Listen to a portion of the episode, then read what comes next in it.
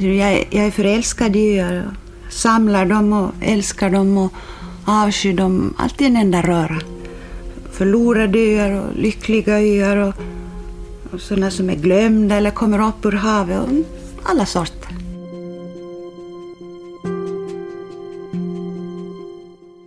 Det var en mycket viktig del av deras liv, ön. Och liksom mera än bara platsen utan hela, allt det den symboliserar.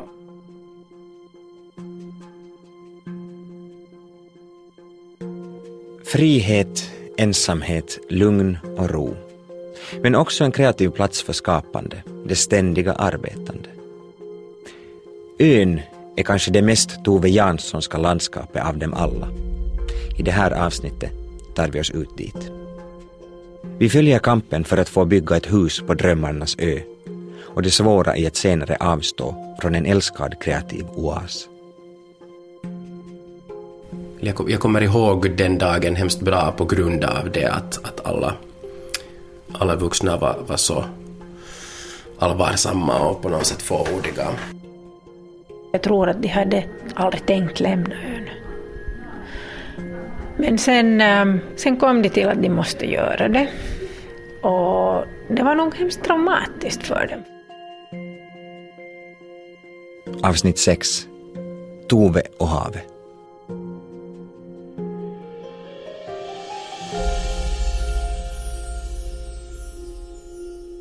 Du förstår.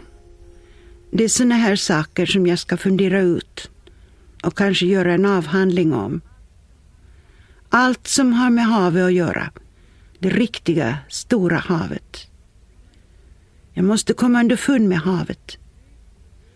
Brukor och vägar och fiske och sånt där är bara för små folk som inte bryr sig om de stora sammanhangen.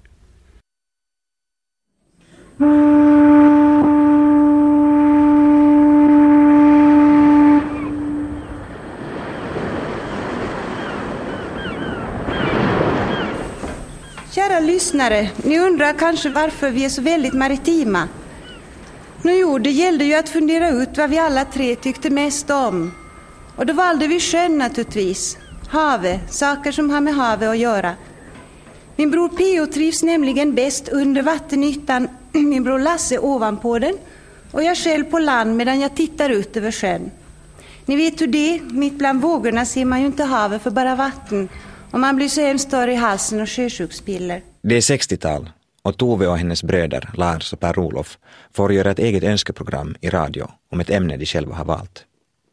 Den tysta världen, den sjätte kontinenten, utbreder sig åt, åt alla håll. Temat är givet. Det blir havet ur alla möjliga vinklar. Bland annat en imaginär dyktur i detta element som de alla älskar. Jag glider nu ljudlöst fram över däcket. Ja, det hörs ingenting. Nej, jag glider nu ljudlöst fram över däcket. Kärleken till havet är något som binder samman den Janssonska familjen och en oerhört viktig inspirationskälla för Tove. Det säger översättaren och litteraturvetaren Janina Orlov. Om man läser hennes böcker så förstår man att det här är en människa som har en speciell känsla för havet. Det är helt klart. Det är ju, vattenelementet som sådant är liksom livsviktigt för henne. Och då inte minst havet.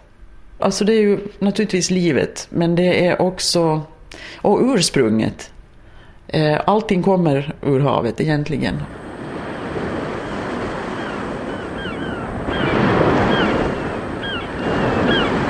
Muminpappans memoarer är det just havet som ger Muminpappan hans dyraste gåva.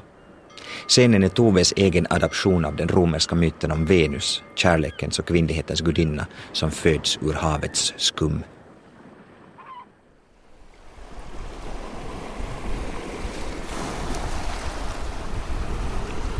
Utan att blinka såg jag den svarta vattenväggen närma sig. Jag fångade en skeppsbrutna i min famn och i nästa sekund virvlade vi hjälplöst omkring i den kokande bränningen. Med övernaturlig styrka körde jag benen i sanden, Jag höll fast hårt, hårt.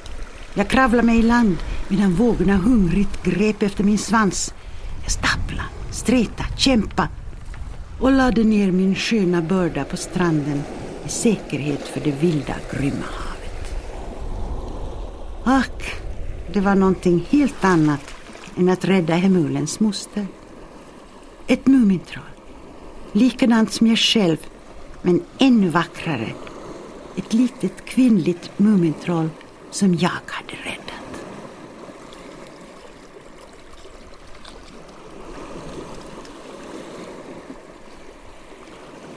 När Tove skriver om havet är det inte bara vackert och spännande. Det kan också vara skrämmande och hemskt. Som i novellen Albert. Där råkar två knappt simkunniga barn ut i dimman på en självbyggd flotte och stöter på en sjuk sjöfågel i det mörka vattnet. Det här kan man inte göra någonting åt, förklarar han. Det är ruttet. Den ska bara dödas, ser du. Men låt den flyta iväg, viskar jag. Kanske den ändå blir frisk. Vad ska den lida för? sa Albert. Han drog ut sin slidkniv och höll fågeln om huvudet och tryckte ner den mot flotten. Jag slutade gråta och såg på. Jag kunde inte titta bort. Albert flyttade på sig så att han var mellan truten och mig.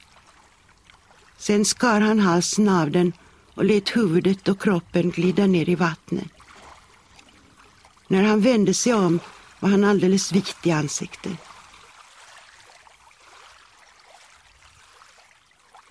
Novellens Albert liknar Toves barndomsvän Albert Gustafsson. Det är av hans föräldrar som familjen Jansson hyr sommarviste i Pellinge-arkipelagen under många år. Albert är en självskriven hedersgäst i Toves radioprogram om havet. Eftersom vår dragning till havet är lite sommargästbetonad så har vi ikväll bjudit hit några som kan prata vatten med mera pondus. Först av allt vill vi att ni ska träffa Albert Gustafsson, båtbyggare och sjökar. Det är han som tänder era fyrar när de slocknar. Och om ni råkar ut för storm så det är han som plockar upp er ur sjön med sjöräddningsbåten Kokkoluoto. Här kommer han i oljeställ direkt från sjön.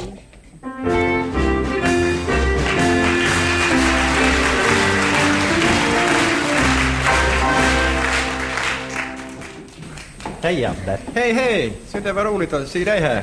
Kom ni Men- hit med båt? Jo, vi kom med båt, men vet du, det är ett hand till hålas väder. Ja, det visst det. Ja, det blåser allt vad blåsa ska nog söka det ännu lite till. Så det- när man ska sitta i fyra timmar och skvätta och skvätta i motorbåten så är det nästan så att njurarna får ner i skonarna. Ja. Albert är en av dem som lär Tove det praktiska förhållningssätt man behöver för att klara sig på sjön. Så här säger Alberts sonson, Kim Gustafsson. hon, till skillnad från många andra så att säga sommargäster, kanske förstod det här liksom skärgårdarnas perspektiv, att havet är någonting man jobbar med, någonting, man, någonting som är ett hinder som kan vara farligt, som man måste respektera. Och det, det, det, det skiner ju också igenom hennes, hennes texter. Att det var, inte, det var verkligen inte bara det här att oj så ljuvligt. Kim! Ja, vi går ner till båten. Kim och hans pappa Kai tar oss ut till den plats som blivit symbol för Toves relation till havet.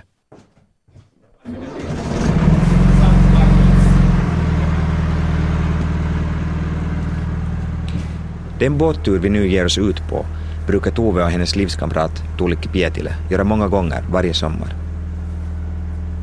Mest omständig var resan i april-maj när paret kom ut med allt pick och pack som de skulle klara sig med ända fram till oktober. E-, e-, exakt så här var det förr i världen.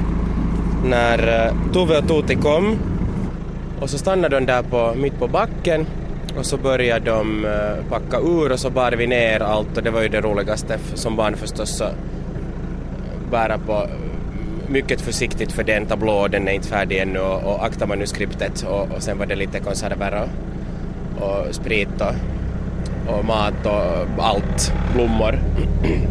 Och så bar vi ner till Albertina och så körde vi ut just precis så här.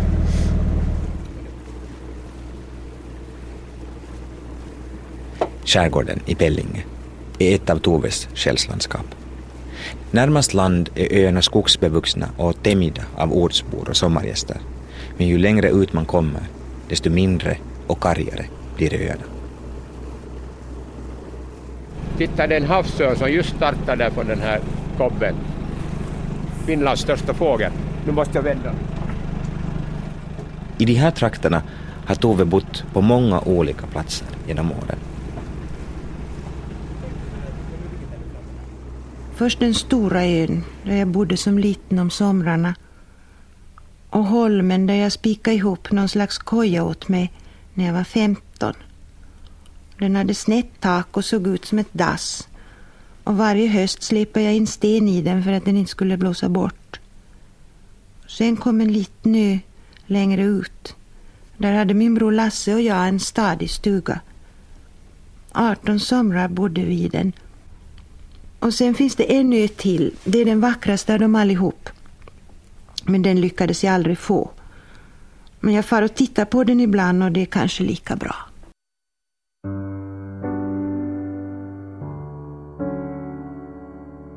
Jag var mycket liten när jag beslöt att bli fyrvaktare på Kummelskär.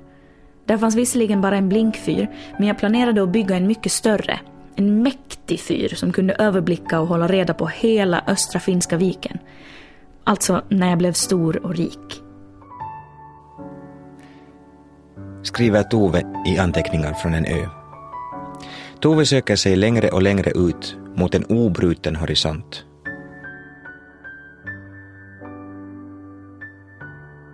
Och där, längst ut i Pellinge-arkipelagen, hittar hon sina drömmars uppfyllelse. Den lilla ön Klovharun.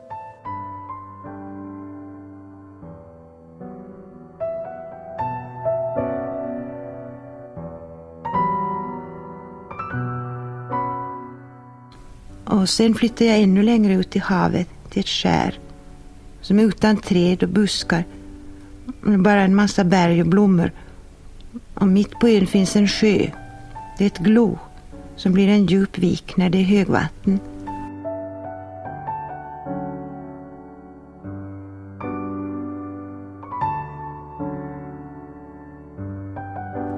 Men det är inte så där bara att få bosätta sig på Klovharun.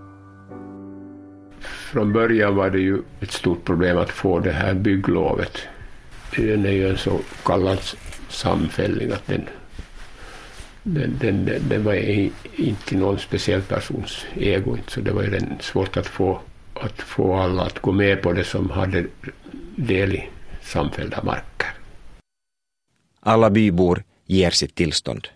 Men en viss herr Brunström menar att det inte kommer att duga för myndigheterna. Hans råd är att sätta igång byggandet utan tillstånd. Myndigheterna har svårt att riva ett färdigt hus, förklarar Gerda Englund, som drev den lokala bybutiken i 32 år. Jag kommer bara ihåg just den här Brunström som, som då byggde det och flickorna, sa han, de sov då i tältet och, och pojkarna sov då i båten och, och, och tog ut material och allt sånt här till, till det här huset. Och det skulle gå med fjong, sa Brunström.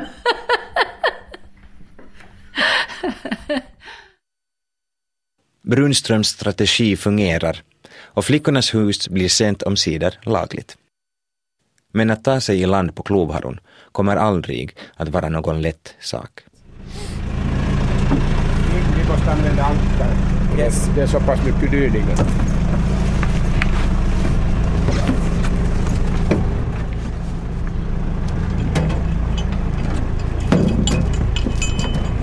Lägger du eller lägger jag? Du får den här. Yes. Klovharun är ju jobbig. Ingen skydd för vinden och, och, och ön är så liten så även om det finns det här gloet som man kan, lilla hamnen som man kan gå in i men om det blåser tillräckligt så, så, så skruvar sjön sig runt hela ön så det, det liksom bara inte går att ta i land där. Nu kommer vi in till Gloe och nu ska jag rusa fram och förtöja. Är det ett stycke från berget nu? Det är bra. Passagerarna har lov att komma i land. Kom ihåg att det kan vara halt.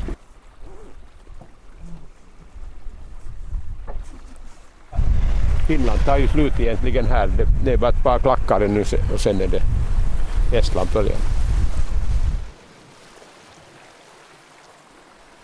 De här landskapen i det yttersta havsbandet vid Finlands ände påminner om dem som Tove beskriver i Pappan och havet.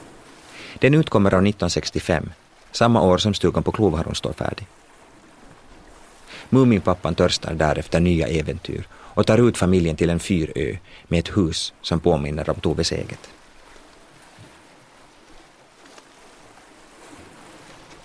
Just så skulle man bo om man tyckte om stora vågor.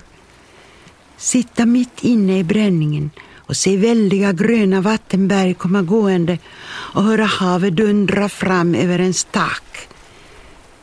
Trollet kunde ha frågat, får jag också komma in och titta på vågor någon gång? Eh, men det här huset var så tydligt byggt bara för en.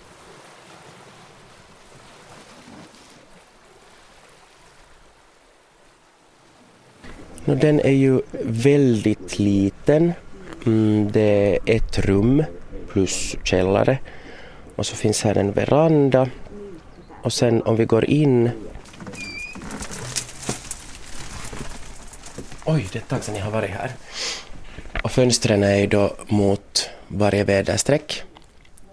Och sen finns här två små sängar och två bord och lite stolar och sen förstås en spis. Det är gasspis och, och, och fotogenlampor och, och, allt, allt, det som, allt det som det var på det sättet. Här finns ingen elektricitet, inget rinnande vatten och bara plats för det allra nödvändigaste. Provianteringen måste planeras noga. Man vet aldrig hur länge man kan vara strandsatt i hårt väder. Eh, tre förpackningar kevyt kerma och två stora gasbyttor och purjolök, 20 ägg. Gerda Englund, som tidigare drev bybutiken i Söderby i Pellinge, läser högt från en av Toves handskrivna inköpslistor. Och Melitta Malet, president. Café Parisien och hönsbroiler, fyra små burkar. Men det som då var det viktigaste så, så var då som inte fick ta slut hos henne så det var knäckebröd och tobak. Och så var det en tredje sak som inte vi hade i lager och fick sälja. Genom åren blev det många butikslistor och många kaffestunder. Så. Nästan alla gånger så drack vi kaffe i handelskammaren. Och bakelse, för Tove tyckte om bakelse. Med åren utvecklar Gerda en varm relation till Tove och Tuulikki, eller flickorna som man kallar dem i byn. Men ut till Klovharon ristar hon sig sällan. Man ville ju inte liksom störa henne där ute för hon jobbar ju. Hon jobbar ju otroligt.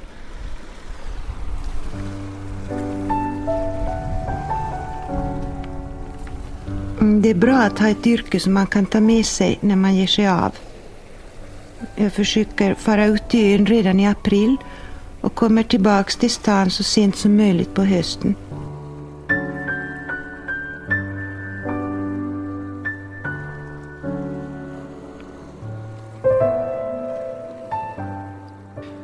Klovharron är inget semesterparadis. Både Tove och Tuulikki jobbar i princip konstant.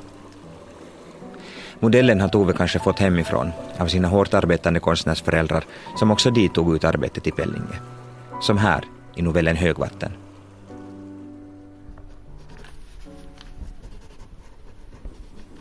Mamma rita och rita och varje gång en illustration var rensuddad fick hon hoppa i sjön. Jag stod bredvid verandabordet och väntade tills hon viftade med teckningen för att tuschen skulle torka fortare och vi skrattade båda två för vi tänkte på hur det är i stan där man ritar på natten och är så trött att man mår illa. Så att, det här arbetet det var nog det var liksom heligt. om man inte arbetade på det så var man ingen riktig konstnär eller ingen riktig författare Och så som hon blev senare. Alltså det var så, det var hennes liv så att säga. Arbetet var hennes liv och det hängde hela tiden ihop. Och sen kunde arbetet vara mer eller mindre lustfyllt och ibland kanske bara kravfyllt. Det säger litteraturprofessorn och Tove Jansson-experten Boel Westin. I förhållande till sitt arbete och skapande balanserar Tove ständigt mellan lust och plikt. Jag talade om, om vad det hette det, tvångets tyranni eller någonting sånt. Att, och också, det handlar ju väldigt mycket om det när hon kom in och blev liksom berömd. Att det var så många som ville ha del av henne. Man ville ha en bit av Tove Jansson helt enkelt. Då kunde hon också känna ett, ett tvång eller ett, ett måste. Tove är välbekant med det som är många kreativa människors största skräck. Det vita papprets förbannelse. Samma förfäran har jag känt när man har en ny duk som är stor och vit och jungfrulig. Och, och det är så förfärligt viktigt, de första linjerna. Det är svårt. Och det, det är, där finns alla möjligheter, vad som helst. Och, uh, nu vet du om man börjar fel med vad som helst, kanske en mänsklig relation, så, så kan det gå riktigt på tok sen. Ibland kan skapande ångesten bli speciellt stark på en ö, skriver Tove. Man ska akta sig för öde öar om ens arbete inte går som det ska. Då kan horisonten bli ett band av järn och dagarnas enahanda är inget annat än en fortgående bekräftelse på att man inte kan komma igång. Den kreativa angsten är också närvarande när Tove skriver Sommarboken, ett verk med stark koppling till livet vid havet. Och det, det är en berättelse om eh, en farmor och hennes barnbarn och ett litet skär där de lever sitt sommarliv tillsammans. Och där finns en pappa också, men han är mera i bakgrunden. Och när farmor, hon, hon var min mamma. Alltså en gång när det inte gick att jobba, jag kunde inte skriva, så gick jag till henne och sa att Hör har du inte någon idé, kan du inte hjälpa mig med någonting? Och då sa hon att varför kunde du inte skriva om en, en gamyl, alltså en mycket gammal människa och ett mycket litet barn. Och då var hon 86 år. Och jag tyckte, det var, tyckte inte den där idén var något vidare. Men sen efteråt så försökte jag skriva det. Och jag hade lust att göra det. De gick vidare mot udden. Så här långt har jag aldrig varit, sa Sofia. Har du? Nej, svarade hennes farmor. De gick ända ut i udden där berget sjönk i mörkare och mörkare terrasser. Varje steg ner mot mörkret var kantat av en ljusgrön frans av sjögräs. Den svepte fram och tillbaka med vattnets rörelser. Jag vill bada, sa barnet. Hon väntade på motstånd, men det kom inte. Då klädde hon av sig, långsamt och ängsligt. Man kan inte lita på den som bara låter allting hända.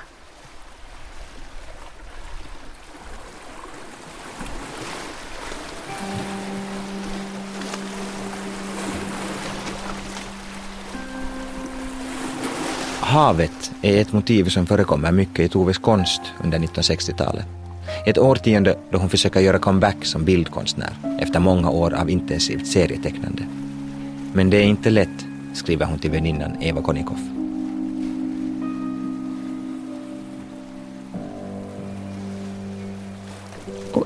Godkände mig som målare längre. Jag var den berömda Muminmamman och inget annat. Det har varit ganska tungt. Som det alltid är att börja på nytt, antar jag. Frågan är om tiden har sprungit ifrån Tove som bildkonstnär. Medan konstvärlden skriker efter abstrakta uttryck vill Tove något annat. Det säger konstvetaren Erik Kruskoff. Modernistisk konst och framförallt just det här, det här abstraherandet. Så det liksom tände hon inte riktigt för. Och kom på det sättet att lite hänga efter. Och, och det som var synd på sätt och vis var ju det att sedan när hon tog tag i det där på allvar och, och började intressera sig lite för det så, så var hon för sent ute. Då var, de för, då var den där abstrakta konsten egentligen förbi. Det som gör Tove till en så bra författare blir till en belastning under en tid när konstvärlden mest värdesätter abstrakta verk. Det, det blev ofta bäst när hon hade någonting att berätta. Alltså att det fanns på sätt och vis en story i bilden. Och det, och det var alldeles tydligt att det här var någonting som, som satt djupt i henne också när hon försökte rätta sig efter, efter det här modet. Jag tycker det är så karaktäristiskt det där som hon berättade om, om när hon hade målat ett, ett, ett, landskap då som hon annars gjorde ganska fritt och så där. Och så hade hon några figurer där. Och då, då sa just en, en kollega, äldre kollega som sa att, att det, det, är nog en bra målning men ta bort de där lingonplockarna.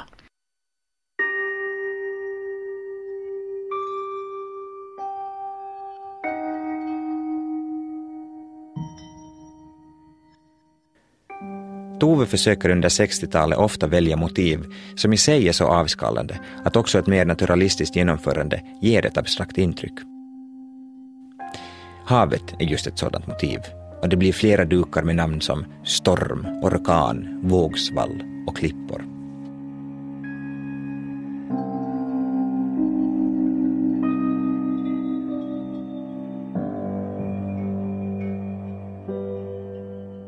Det var bättre, passade bättre hennes penna att skriva om berättelser som hade med havet att göra än, än, än, än att börja måla.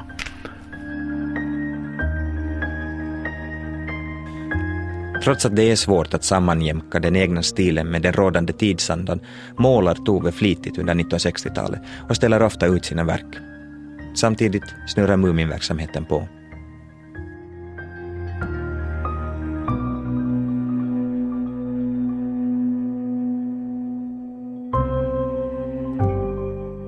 Det funkar så här i byn att det fanns en stor låda dit postiljonen slängde all post och tidningar och allting.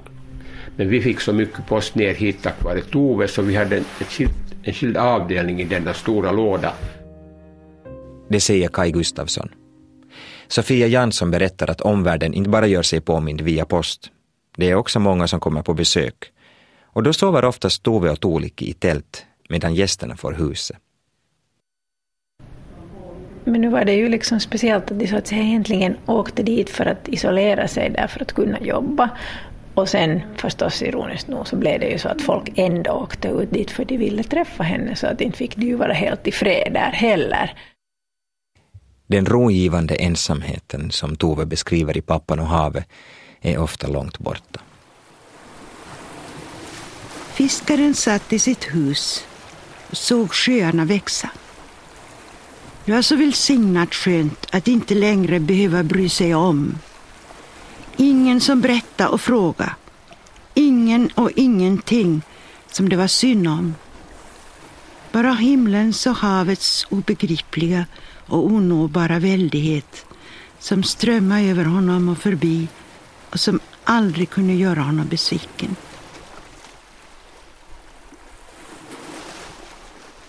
Men isolationen har sina risker. Om stormen eller en olycka slår till kan det dröja länge innan hjälpen kommer fram.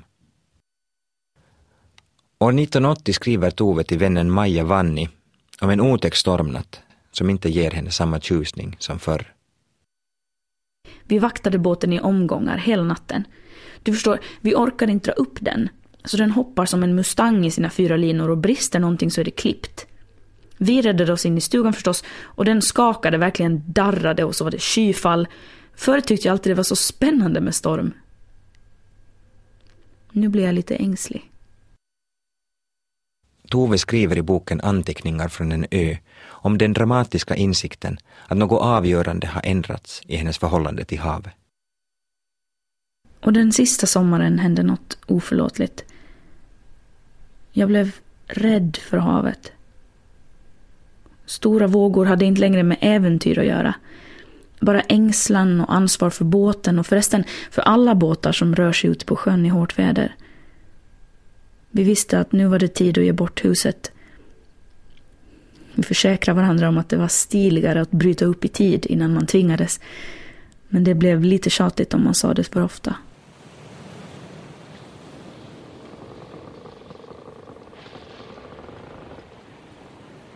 Den ödesdigra sista droppen som får bägaren att rinna över, eller stormen som får båten att stjälpa, kommer när Tove är 76 år gammal. Den då 13-åriga Kim Gustafsson minns det som igår. Och så blev det en helvetesstorm, helvetes storm och, och sen kom det då fram att, att det liksom hemska hade hänt och Victoria hade kapsejsat. Och sen eh, näst nästa morgon eller så fort det mojnade så måste vi ha åkt ut på sjöräddning. Och, och så minns jag att, att alla var ganska sådär. Det var inte bara de som var skakade utan alla andra var också. Och jag, jag kanske inte riktigt förstod det där allvaret då. Utan jag tyckte mer att, att det var liksom häftigt att, att få vara med och, och, och rädda den här stackars motorkåpan som ännu hade hamnat där på botten i Gloria som jag då fick dyka efter. Jag, var, jag minns jag var hemskt liksom stolt över mig själv att tänka att jag klarade det. Och, och nu har jag varit till nytta.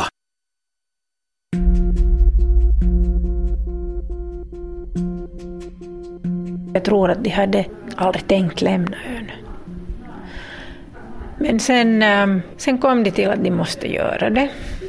Och det var nog hemskt traumatiskt för dem för att hela vintern så hade man då väntat på när man får fara ut till ön igen så att årets cykel gick ju så att du var där från tidiga maj till sena september in i oktober. Och när det liksom försvann så var det ju en, en enorm omställning och ett enormt vakuum i deras liv.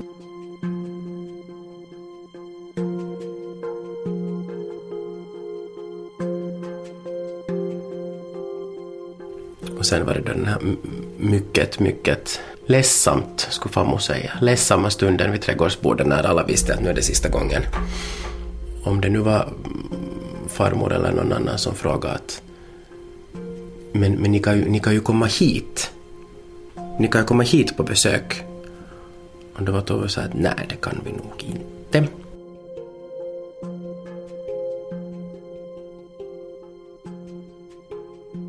Jag, jag kommer ihåg den dagen hemskt bra på grund av det att, att alla, alla vuxna var, var så allvarsamma och på något sätt fåordiga. Så kommer den sista båtfärden i land från Klovharon. Det var nog mycket traumatiskt. Jag kommer ihåg att när de åkte därifrån så, så vägrade ju Tove att titta bakåt när de for från ön. Utan tittade bara stadigt framåt. Uh, jag tror att Tuulikki då vände sig om titta. Men de ville aldrig åka dit tillbaks. Och de där första åren när vi kom och vi trodde att vi skulle hämta nyheter och berätta så de ville inte höra någonting. Det var som de ville på något sätt avsluta det kapitlet helt och hållet. Det, var liksom, det gjorde ont.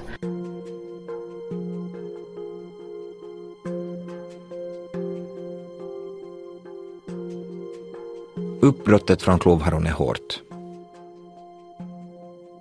Men det kommer sent i Toves liv. Betydligt tidigare kommer ett annat avsked och det ska vi fokusera på i nästa avsnitt.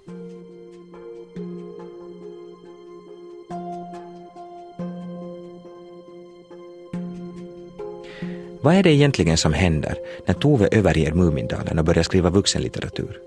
Vilken mod krävde det att gå emot förväntningarna hos miljontals fans och vad kom istället? Det funderar vi på i det näst sista avsnittet i den här serien.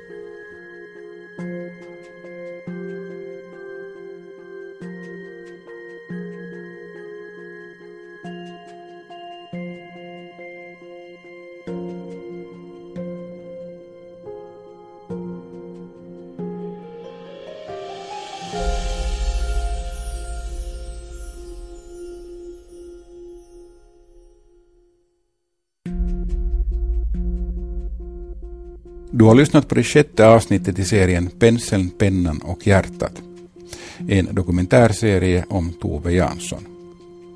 Tove Jansson läste ur Pappan och havet, Muminpappans memoarer, Bildhuggarens dotter och Sommarboken.